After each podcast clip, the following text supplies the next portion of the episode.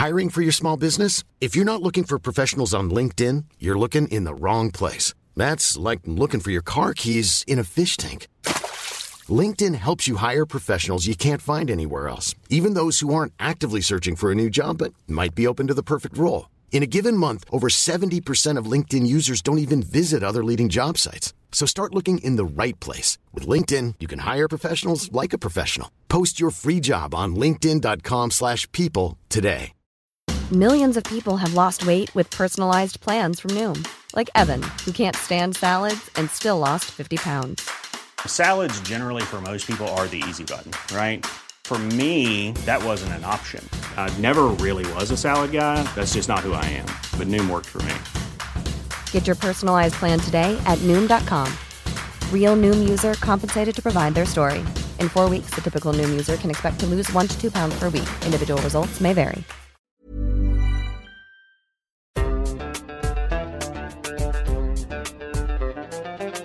بودكاست صوت.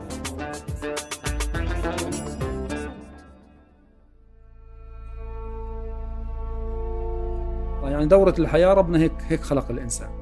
حياة وبعد الحياة دفن وبعديها الأمور يعني خلاص تأخذ مجراها الطبيعي. لكن إذا الجثمان كان في ثلاجة كنت أضع يعني المسؤولية الأولى في حياتي إنه استخراج هذا الجثمان بأي طريقة من هذه الثلاجة ودفنه في الأرض. في القبر اللي لازم يكون فيه. إنه مرات يعني تصبح حالي من التفكير والشكوك إنه طب قد لا يكون المشهور مثلا موجود كجثمان بين أيدي الاحتلال وبالتالي ممكن أن يكونوا في عداد هم أحياء وهم في عداد المفقودين.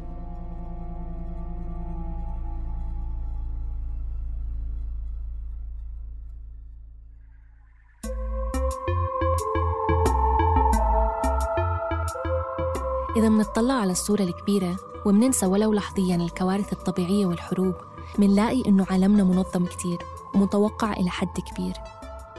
الأرض بتدور بشكل منتظم الأطفال بينولدوا وهم عم بيبكوا والإنسان لابد إنه يكبر مع مرور الزمن. بس بهذا البودكاست ندعوكم تنضموا إلنا لنكتشف عوالم جديدة. عوالم مجردة وبديلة عوالم متداخلة عالم جوا عالم جوا عالم تماما مثل اللعبة الروسية ماتريوشكا. أنا تالا العيسى وبهالموسم رح أبدأ معكم من أصعب مكان من عالم الموت.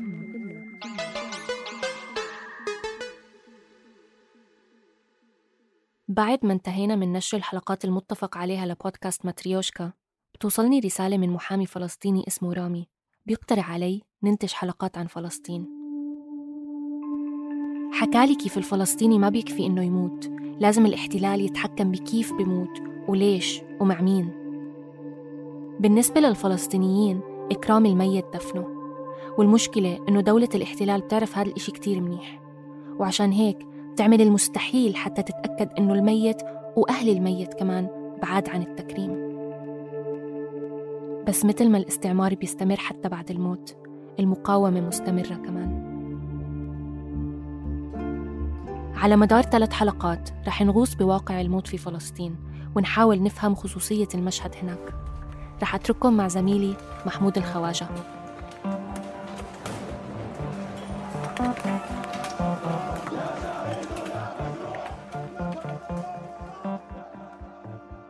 في دولة الاحتلال الإسرائيلي سياسة احتجاز الجثامين هي وسيلة لكبح المقاومة.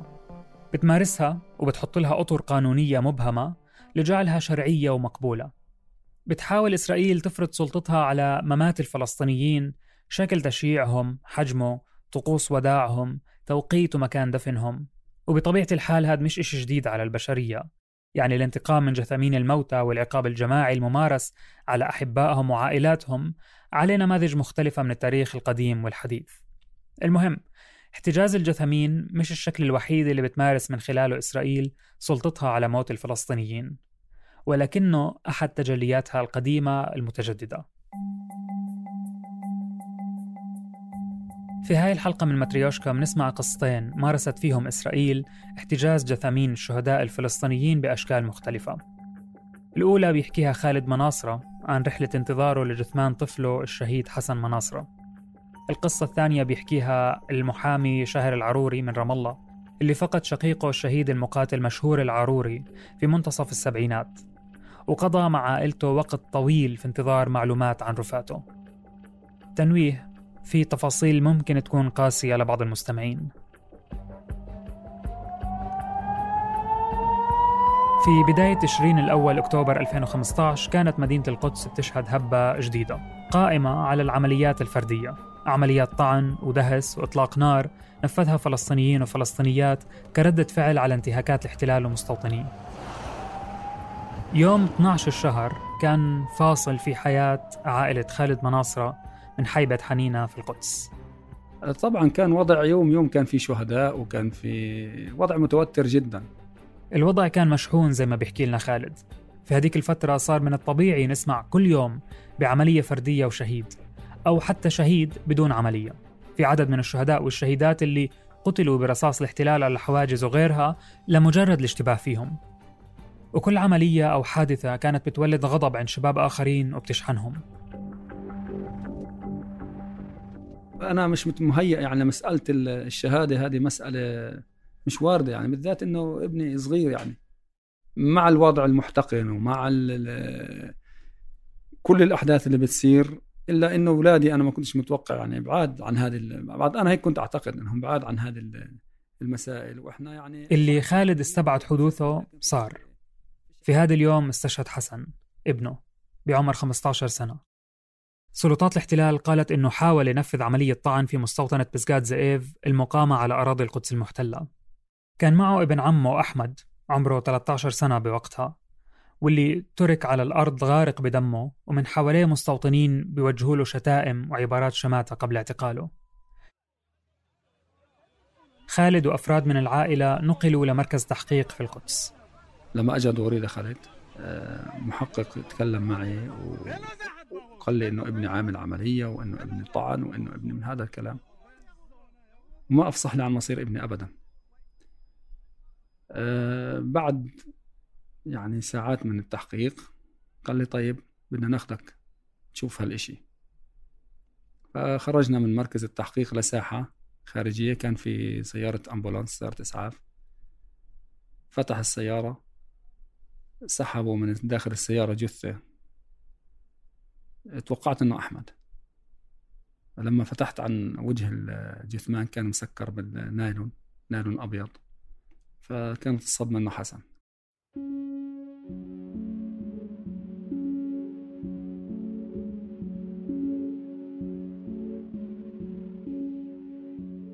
في الفترة نفسها بدأت دولة الاحتلال بعد انقطاع لعدة سنوات. بتطبيق سياسة احتجاز جثامين الشهداء في ثلاجات الموتى بالمشارح الإسرائيلية. رغم هول الحدث خالد كان محظوظ إلى حد ما بأنه تأكد من مصير ابنه بعينيه. كان من الضروري يتعرف عليه كونه طفل ما بيحمل بطاقة هوية بينما العائلات الأخرى حرمت حتى من هاي النظرة الأخيرة لأشهر وسنوات وغرقت في دوامة أفكار حول مصير أبنائهم الحقيقي. ومن هناك بدأوا رحلتهم للمطالبة بجثامين أبنائهم كمعذبين في حالة مستمرة من عدم الاستقرار.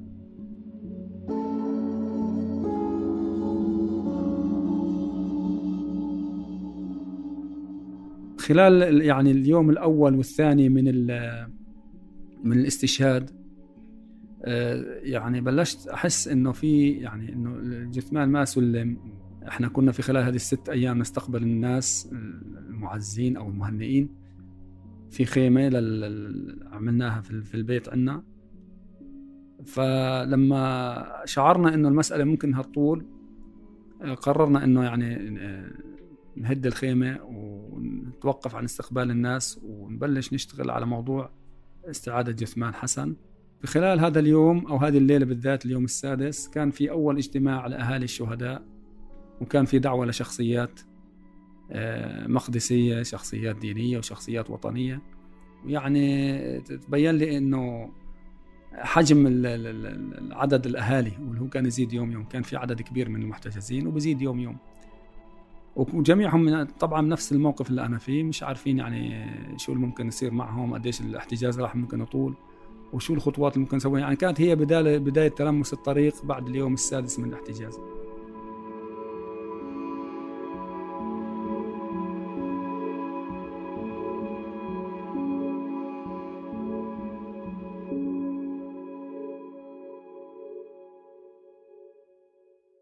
اتضحت توجهات الاحتلال أكثر فيما يخص الاحتجاز.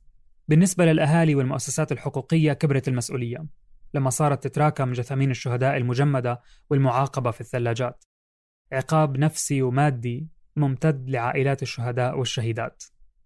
يعني الفقد بيكون صعب في كل الحالات. ويعني بيكون أصعب في حال إنه كان ابنك اللي أنت آه، يعني تتأمل إنه يعيش بعدك وإنه يكون له مستقبل وإنه يعني كل هذه التصورات اللي بتكون في في في مخيلتك بتنتهي فجأة. هذه الحالة بتكون أصعب بأضعاف الأضعاف في حالة الاحتجاز. الاستشهاد لا يقف عند حد الاستشهاد بداية. آه، في الشهاده بيتبعها آه، اقتحام البيت. بقوات كبيرة ممكن يكون قمع الأهالي وهذا حصل معي يعني أنا شخصيا في بيتي إخوتي وابني إبراهيم كان تعرض لضرب مبرح اعتقال عدد من أهالي الشهيد. أنا مثلا كان ابني إبراهيم حوالي خمس شهور ونص في, في الاعتقال. ممكن يتبعوا هدم بيت. قبل هدم البيت بكون طبعا في بيحضروا للبيت قياسات للبيت. آه، يعني يعني وحدات هندسية عسكرية بتيجي بتفحص البيت كيف يعني ممكن هم يدمروا البيت أو يفجروه. هذا الشيء حصل معنا لكن ما وصلش لمرحلة الهدم. الحياة انقلبت 180 درجة. خالد وزوجته سخروا وقتهم لجلسات المحاكم والوقفات والاعتصامات إلى جانب بقية أهالي الشهداء المحتجزة جثامينهم في الضفة الغربية والقدس.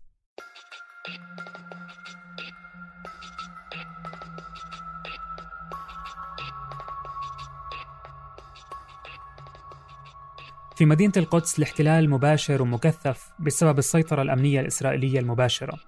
وهذا بيختلف عن مدن الضفة الغربية إلى حد ما اللي فيها سيطرة أمنية فلسطينية مباشرة ولو محدودة جدا. المقدسيين بيحملوا هويات إسرائيلية وإقامات دائمة بالقدس وهذا بخليهم خاضعين لقوانين دولة الاحتلال. بالقدس الحواجز بكل مكان المراقبة والاستيطان هدم البيوت والاقتحامات وكله له تبعاته النفسية والاجتماعية.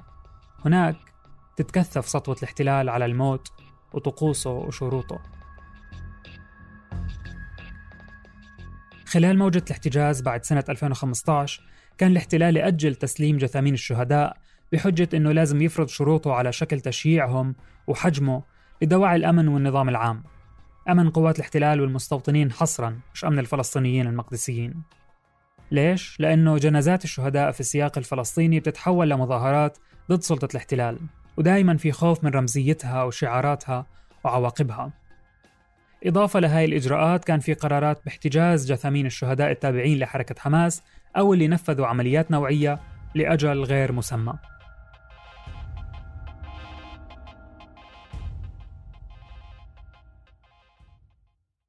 بعد أشهر قليلة من استشهاد حسن استدعي خالد ومحامي العائلة لمركز التحقيق للاستماع على شروط تسليم الجثمان. دخلت كان في محقق وكان المحامي موجود فالمحقق بمد لي ورقة بقول لي وقع. لما قرأت الورقة حط فيها شروط شروط صعبة. طبعا هذه الشروط أنا مرت علي لأنه كان في أهالي استلموا جثامين أبنائهم من السابق. بداية إنه في كفالة مالية. بذكر عشرين ألف شيكل كانت. إذا ما تمش الالتزام في كل البنود بتم مصادرة هذا المبلغ.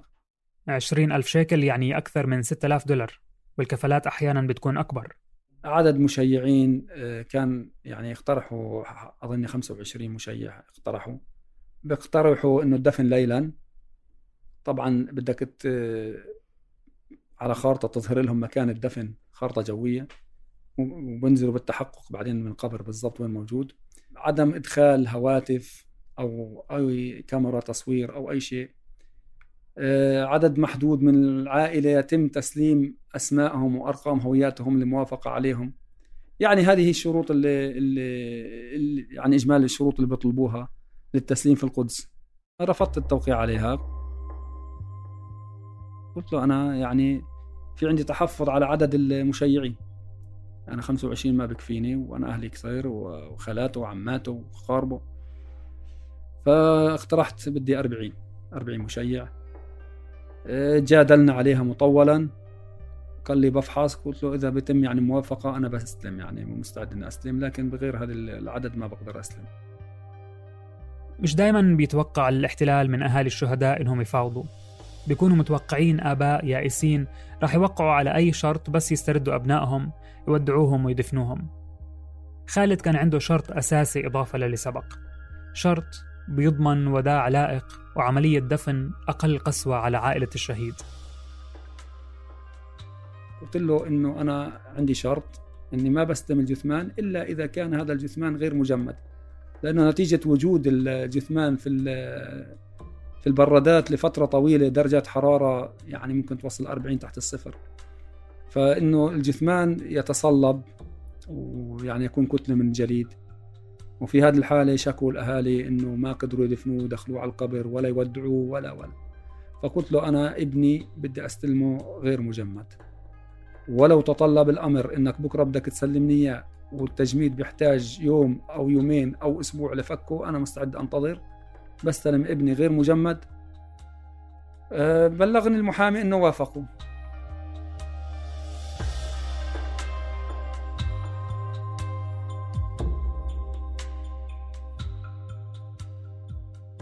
في يوم التسليم الموعود جهزت العائلة مكان الدفن في مقبرة ملاصقة لأسوار القدس القديمة. كتب خالد قائمة بأسماء أربعين مشيع ومشيعة. والمهمة ما كانت سهلة لأنه اضطر يستثني أقارب وأصدقاء خلال هذا اليوم بتكون أنت تنتظر تليفون من هم بياخذوا رقم هاتفي وقالوا لي إحنا بنتصل عليك. فطول النهار هذا بكون هو انتظار وعلى الأعصاب.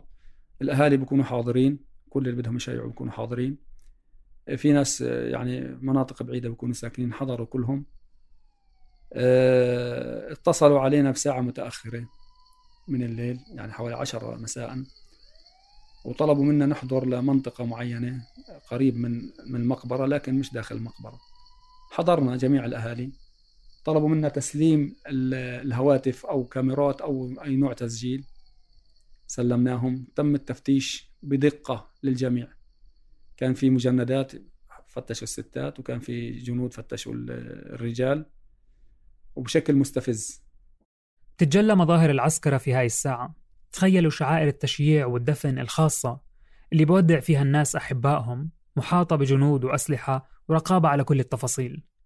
يتم إغلاق شوارع القدس المحيطة بالمقبرة على مسافة يمكن 10 كيلو متر دائري. ما حدا بدخل العملية هذه بتأخذ من ساعة لساعة ونص بين ما يحضر الجثمان لبين ما يفتشوا لبين ما يأمنوا المنطقة. الأمن يعني بتحس إنها منطقة عسكرية ثكنة عسكرية. اعتلاء السور من الجنود بكون من حوالين السور القدس بكون موجود. بفتشوا بين القبور إذا في حدا متسلل بين القبور. وحضر الأمبولانس حضر سيارة نقل الموتى. وطلبوا مني إني أنا أتفقد الشهيد يعني أني أأكد أنه هذا هو حسن. ففي هذه اللحظة فتحوا الأبواب وأنا صعدت إلى سيارة الأمبولانس لوحدي طبعا. معي كان سائق الأمبولانس. ومن حوالينا طبعا كان الضابط اللي كان يتفاوض معي كان موجود. وشرطة وعساكر موجودين. لما فتح النايلون عن وجه حسن كان في نايلون. فلما فتحت على وجه حسن آه صدمت إنه يعني حتى ملامح الوجه متغيرة نوعا ما وفي لمعة وحس في برودة في يعني داخل السيارة في برودة. المعالم الوجه يعني بصير فيها تغيير لون الجلد بصير فيه تغيير آه، شكل الوجه بصير فيه تغيير مع ممكن مع فترة الاحتجاز ما بعرف. هلا شفت عينيه كانهم كأنهم يعني مجمدات. فمباشرة أنا مديت إيدي وحطيتها على خده وحطيت على جبينه ولمسته فكان مجمد تماما. يعني الجماعة آه، وعدوا ويعني صار في آه، توثيق على الكلام إنه يكون غير مجمد لكن الجماعة مش معتبرين ومش آه، مش شايفيننا بني آدمين قدامهم. فمباشرة أنا انفعلت وغضبت وصرخت وحتى توجهت للضابط اللي كان اللي كان يفاوضني كان موجود. وقلت له أنتم كذابين وأنتم والجنود أبعدوني عنه ورفعوا علي السلاح وتوجه إلي المحامي وحاول يهديني وحاول يقنعني إني أسلم الجثمان. أنا قلت لهم لن أستلم لأنكم أنتم كذابين وأنتم ما أوفيتوا باللي اتفقنا اتفقنا عليه. الأهل داخل المقبرة سامعين الصوت مش عارفين شو اللي بصير لما وصلهم خبر إنه أخرجوا خلص فيش تسليم غضبوا وما فهموا شو اللي بصير مباشرة بلشوا يخرجوا من من المقبرة التقينا مع بعض. شو اللي بصير صاروا يسألوني قلت لهم هدول ناس كذابين ناس ما التزموش. يعني مع كل الشوق ومع كل النضال اللي عملناه وكل التحرك اللي عملناه. وفي لحظة التسليم إني أرفض كانت يعني أصعب أصعب لحظة.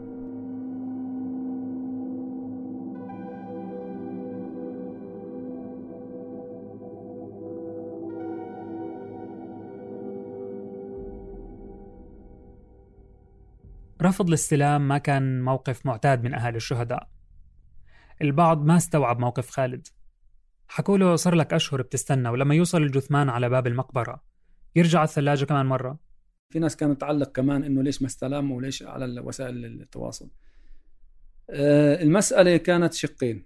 شق بتعلق في كوالد شهيد وشق بتعلق في زملائي وأهالي الشهداء الآخرين. بعد هذا الموقف لم يسلم أي شهيد في القدس في هذيك الفترة إلا وكان غير مجمد. بعد شهرين من التسليم الأول وافقت سلطات الاحتلال على تسليم جثمان الطفل حسن مناصرة حسب الشروط المتفق عليها. رغم التهديد بتأخيره أكثر نتيجة موقف خالد السابق. دخلوا الأهل في غرفة صغيرة تابعة للمقبرة. كان الجنود محيطين فينا من كل مكان. أه صلينا عليه ودعوه. جميع والدته وخالاته وجميع الأقارب ودعوه. صلينا عليه. قلت لهم خذوا وقتكم. يعني لا تلتزموا في ساعة وأكثر خذوا وقتكم. قد ما بلزم خذوا وقتكم. فبالفعل يعني تم توديعه بالشكل اللائق. حسب طلب والدته كان في طوق من من الزهور على جبينه. كل ما طلبت يعني آه، جنازة يعني عملناها بالشكل اللي إحنا بدنا إياه. الحمد لله رب العالمين. وتم نقله للقبر ودفنه. اللي حصل إني أنا ضليتني متبع لمسألة حسن. للحظة الأخيرة للحظة الدفن عندما وصل حسن إلى باب القبر حملوا الجثمان. وبدهم يدخلوا إلى القبر في هذه اللحظة أنا ابتعدت عنهم تركتهم. هم تعاملوا مع الجثمان وأنا يعني ابتعدت وزويت لنفسي شوي. صراحة يمكن مع الألم والحزن اللي كان موجود لكن كان في نوع يمكن من إنه خلص يعني المهمة تمت.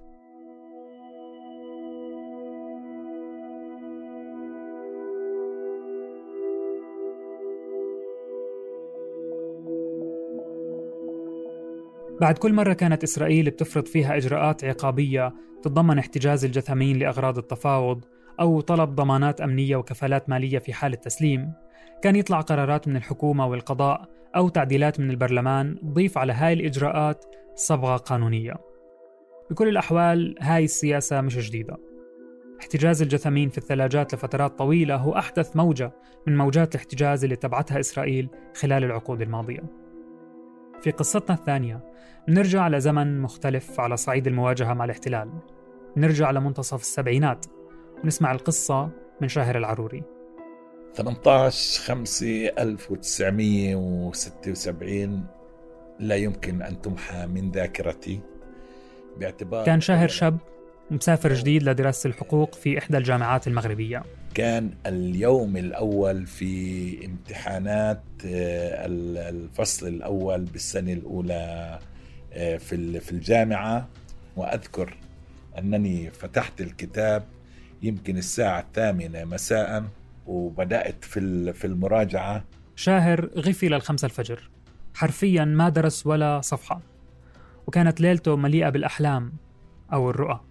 لم يغادرني طيف الشهيد مشهور وأنا أتذكره وأشوفه بالحلم وكأن يعني في جلسة مشتركة وشايفه يعني خلينا نقول بأوضاع غير طبيعية يعني آه، خلتني أصحى وأنا مشدود صحيت على الخامسة فجرا وحاولت إني أشغل المذياع في الفترة الصباحية لأسمع الأخبار والموجز. وهنا رباط إذاعة المملكة المغربية. وفي موجز الأخبار على الخامسة سمعت عن نبأ استشهاد ثلاث فدائيين فلسطينيين في عملية بطولية في في المناطق المحتلة وعند مستوطنة إسرائيلية اسمها مستوطنة الحمراء. دغري ربط شاهر بين الخبر والأحلام اللي شافها. تملكه هاجس بأنه مشهور أخوه. من ضمن هاي المجموعة الفدائية.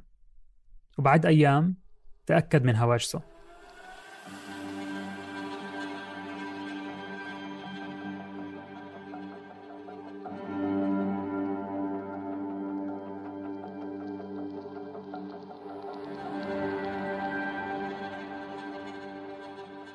عام 1967 أكمل الإسرائيليين احتلالهم للضفة الغربية وقطاع غزة وشبه جزيرة سيناء والجولان السوري.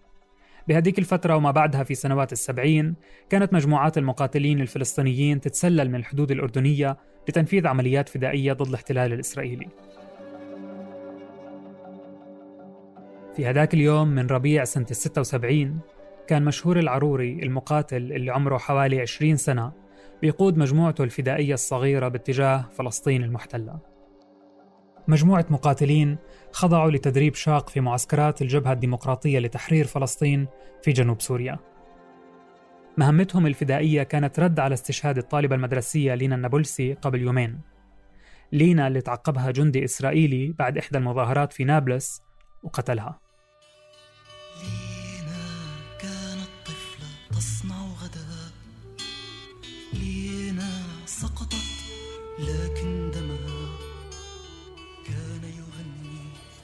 المقاتلين اشتبكوا مع جنود إسرائيليين في معركة استمرت لساعات قريب من إحدى القرى الحدودية. استشهد مشهور واثنين من رفاقه. نقلت جثامينهم إلى مقابر المقاتلين الأعداء. هيك اسمها حسب التسمية الإسرائيلية. نعرفها اليوم باسم مقابر الأرقام.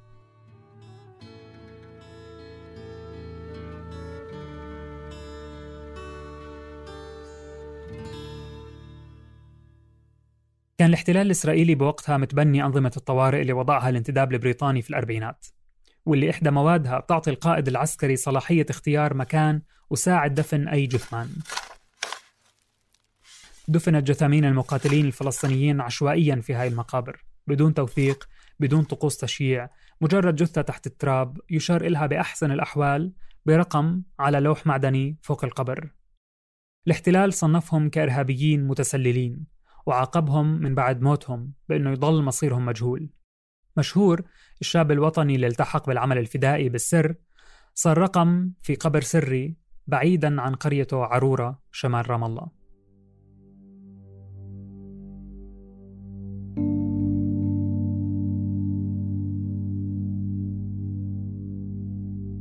مشهور هو بجيلي يعني. ربطتني فيه هو علاقات خاصة آه، علاقات أقرب ما تكون للتوأمة. مشهور كان يحظى بحب واحترام ومودة خاصة من الجميع في البلد يعني رجالا كبارا و وشبابا وأمهات وأخوة وأخوات وزملاء. آه، مشهور كان شخصية اجتماعية محبوبة جدا.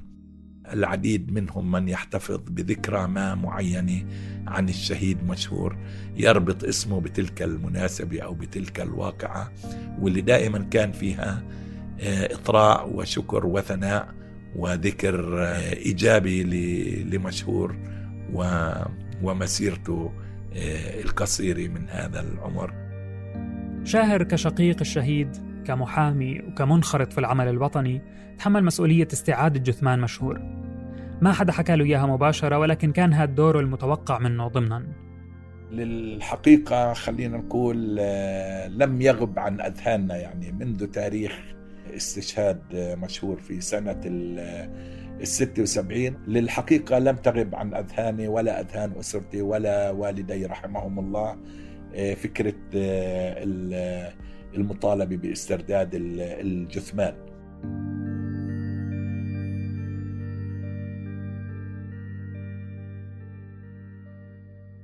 بدأت تراودني أفكار اللجوء إلى الإجراءات القانونية والقضائية بالتوجه إلى المحاكم الإسرائيلية وبالتحديد محكمة العدل العليا الإسرائيلية من أجل خلينا نقول ملاحقة هذا الموضوع آه، قضائيا. بعد عدة استشارات توصل شاهر إلى أنه احتمالية استرداد رفات مشهور من خلال مسار قانوني غير واردة في الظروف السياسية السائدة بفترة الثمانينات. المحاكم العسكرية بشكل عام هي جزء من من المنظومة الإسرائيلية ومن منظومة الجيش. واللي كانت يعني تتحكم في موضوع الامتثال والإذعان لما تمليه أجهزة الأمن الإسرائيلية بعدم الكشف عن الحقائق والمواد وتحت بند أن هذه مواد سرية لا يحق للمحامي ولا ل خلينا نقول أصحاب القضية مثلا بمثل موضوعنا مثلا ذوي الشهيد أن يطلعوا على المعلومات والردود والاعتبارات الأمنية اللي بيعتمدها الاحتلال الإسرائيلي فبالتالي إمكانية أن يكون في هناك قرار من محكمة العدل العليا أو من محاكم عسكرية إسرائيلية بالإقرار بتسليم الجثمان هذا أمل ضعيف جدا وبالتالي إمكانية خسارة القضية في المحاكم الإسرائيلية واردة بشكل كبير.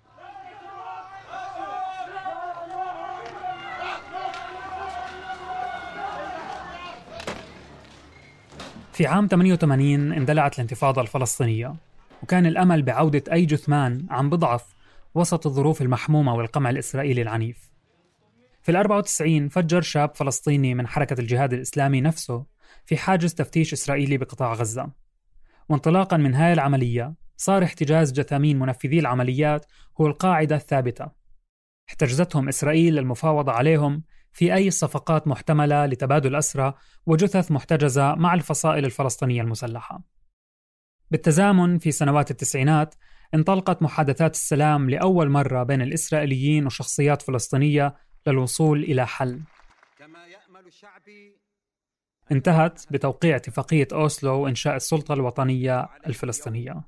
هو بداية طي صفحة الآلام والعذاب التي استمرت طوال هذا القرن وأن يفتتح حتى ما بعد آه، رجوع السلطة الوطنية الفلسطينية إلى مناطق الضفة الغربية وغزة آه، وفقا لاتفاقيات آه، أوسلو لم يكن هذا الموضوع مطروحا على جدول أعمال القيادة الفلسطينية أو الجانب المفاوض مع الإسرائيليين. حتى المواقف الفصائلية الفلسطينية لم تكن تولي هذا الموضوع الاهتمام اللازم. حتى مع سنوات الانتفاضة الثانية اللي بدأت عام 2000 ووصلت فيها حالات احتجاز الاحتلال لجثامين الشهداء لأعداد كبيرة ما كانش الموضوع على أولويات السلطة الوطنية الفلسطينية. لكن الزمن اللي بمر على عائلات الشهداء مش نفسه الزمن اللي بمر على القيادة أو عموم الفلسطينيين. الزمن هناك طويل جدا وحالة الانتظار وانعدام اليقين تستمر طالما الجثمان مغيب. أسرة العروري أشقائه ووالده ووالدته المسنين شافوا إنه الأفضل تبدأ المبادرة من عندهم.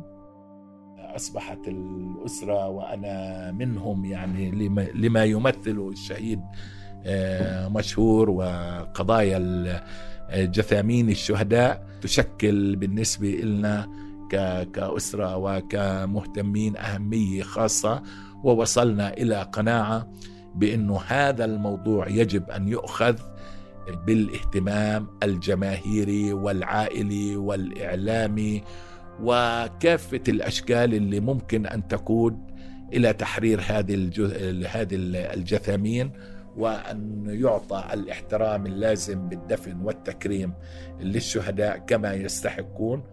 أسرة الشهيد في هاي الفترة حوالي سنة 2008 كانوا عارفين تماما شو بدهم.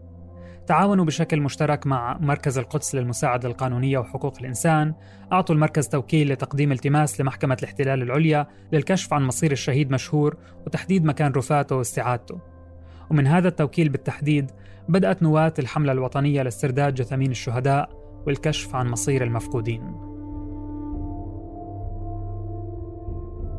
على مدى سنوات وبجهود حقوقية وإعلامية كشف عن أوضاع مأساوية لمقابر الأرقام. الشهداء دفنوا بفوضوية وعدم احترام لكرامتهم. في جثامين مدفونة بعمق أقل بكثير من اللازم. في قبور وعظام جرفت.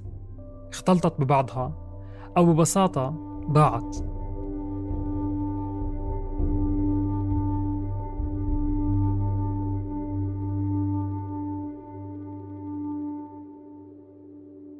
الحملة الوطنية من خلال عملها وجمعها للمعلومات من أهالي الشهداء وبيانات الفصائل الفلسطينية وبيانات جيش الاحتلال.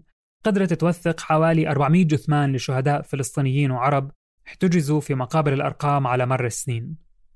قدمت الالتماسات لمحاكم الاحتلال في وقت كانت إسرائيل بتربط فيه تسليمها للرفات المدفونة في مقابر الأرقام بتسليم حركة حماس لقلعات شليط الجندي الإسرائيلي الأسير عندها في هذاك الوقت.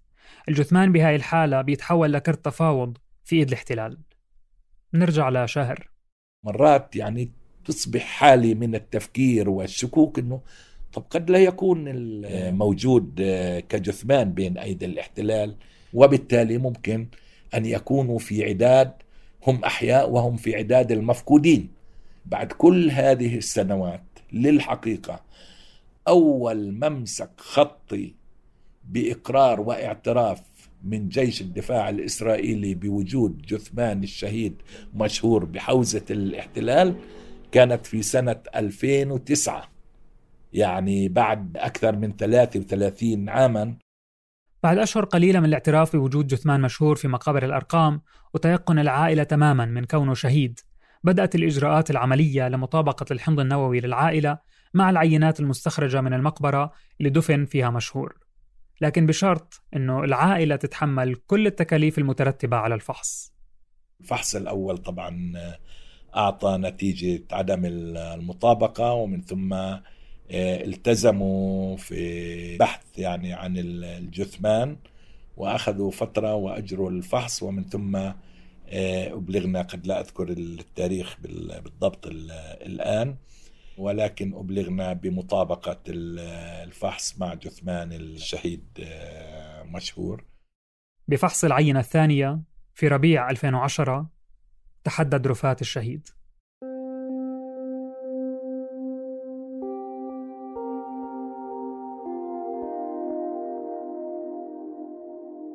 آب أغسطس 2010 موعد التسليم. ردوا رفاته فالأمجاد تعنينا. هاي الكلمات اللي كتبت على الملصقات المعلقة بكل مكان. 34 سنة مرت تمنت خلالها والدة مشهور استقباله وداعه إلى مثواه الأخير 30 سنة بستنى في هاليوم.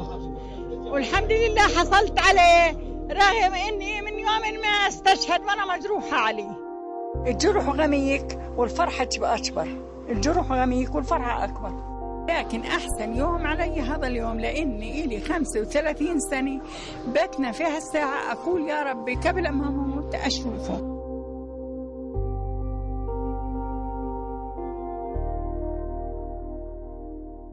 جنازة عسكرية وموكب كبير جدا من مدينة رام الله لقرية عارورة لتشييع مشهور.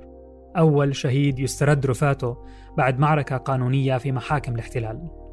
وكان في هناك حشد هائل من الأهالي والسيارات والجمهور آه، لدرجة إنه إحدى الكاتبات آه، كتبت في إحدى الصحف الألمانية وهي كانت من بلدة بيرزيت بأن جنازة آه، الشهيد مشهور العروري أعلنت عن منع التجول في مدينة رام الله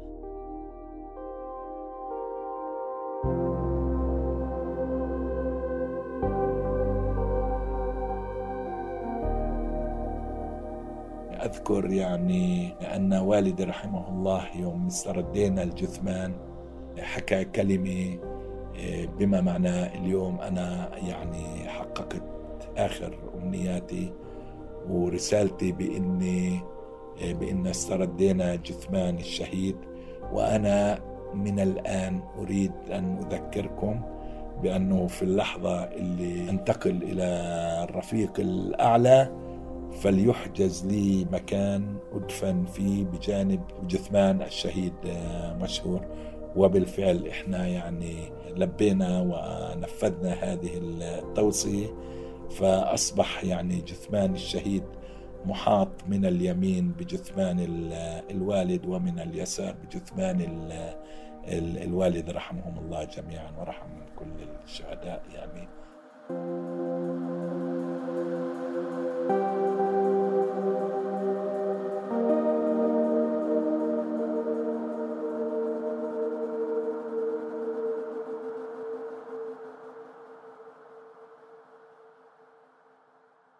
بالقصتين اللي سمعناهم حكينا عن جثامين عادوا عن شهداء رغم طول الانتظار حصلوا على وداع حقيقي دفنوا في قبر بمكان معلوم ممكن يزوروا أهلهم يزرعوا حواليه ورد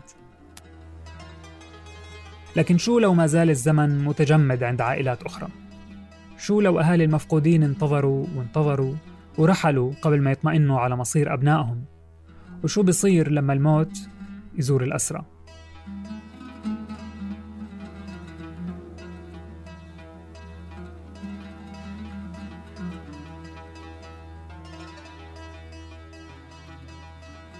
في هاي الحلقة كنت معكم من الإعداد والكتابة محمود الخواجة من التحرير تالا العيسى من البحث روان نخلة من الهندسة الصوتية محمود أبو ندى.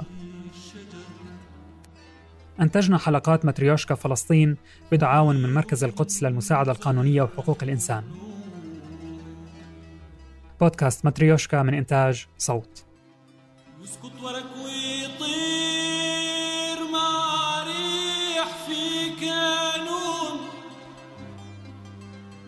يسكت ورك ويطير مع ريح في كانون. لكن شهيد البلد بيضل حتى الأبد.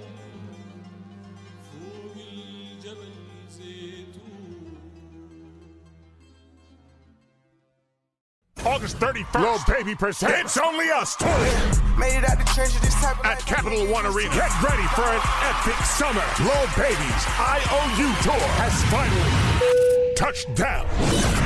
It's Lil Baby live in concert featuring the Kid Laroi, Glorilla, Rilo Rodriguez, and Honcho. Tickets are on sale now at Ticketmaster.com. Brought to you by Mammoth Live and AG Touring.